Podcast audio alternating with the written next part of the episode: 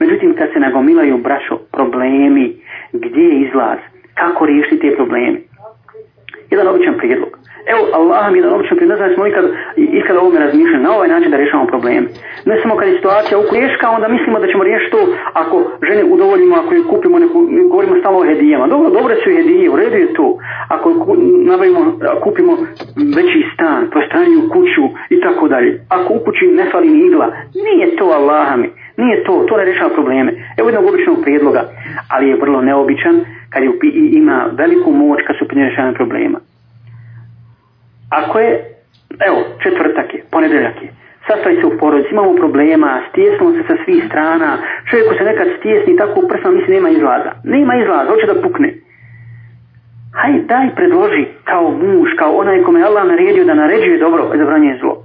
Ili žena obrnuto, može žena to, zašto da ne? Hajmo sutra svi poručno da postimo četvrtak.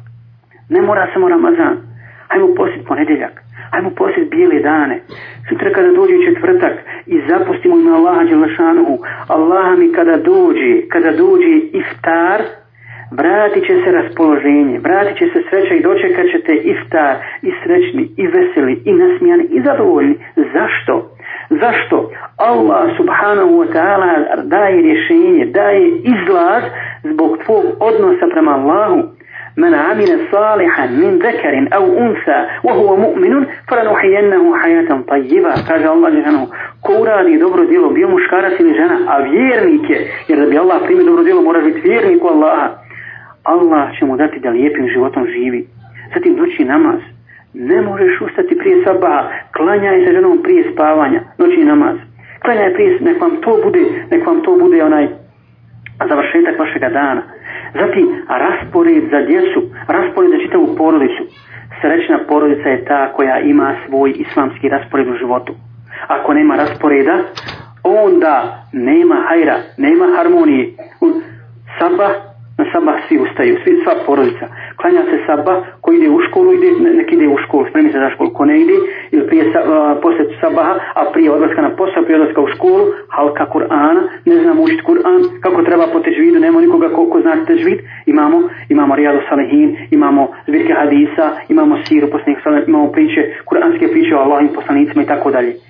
Dakle, poslije toga, kad se, kad se vraćaju djeca iz škole, kad se vraća muž, otac s posla, odnosno muž s posla, idemo da, da onaj zajednički klanjamo nama, namaz, poslije toga poslije toga da pričamo, razgovaramo kao porodica, da djeca iznesu svoje probleme, da postavi pitanja, da, da, da. Pogledajte, koliko, onda se spominje Allaho ime, da se zikri, da se zikri. Fatima radi tražila, tražila od poslanika sallallahu alaihi ve sellem, kao svoga oca, žalila se pri svega Ali, kao svom mužu. Teško mi, dodijelo mi, hoću slugu hoće slugu. Pa je otišao poslanik da traži, on nije odobrio. Kad se ona vratila, ali došao je poslanik za njima i rekao im, hoćete li da vam dam nešto bolje od slugi? Da vam predložim nešto bolje? To su istinski vjernici, oni se odmah prihvatili, hoćemo. Kaže poslanik se selem, nemojte prije spavanja propustiti nikada da kažete 33 puta subhanallah, 33 puta hamla, 34 puta Allahu akbar. Kaže Ali radijalno tako mi Allaha, nisam to propustio ni u bitkama. Ni u bitkama Dakle, bitka kad, kad zanoćimo i osvanemo negdje u pustinji ili u šumi, Nisa, i, e, e, nije me to spriječilo umor, umor od bitke, nije me spriječilo da zaboravim, da zaboravim na ovaj, da, da, da, da zaboravim proučiti ovaj jezik.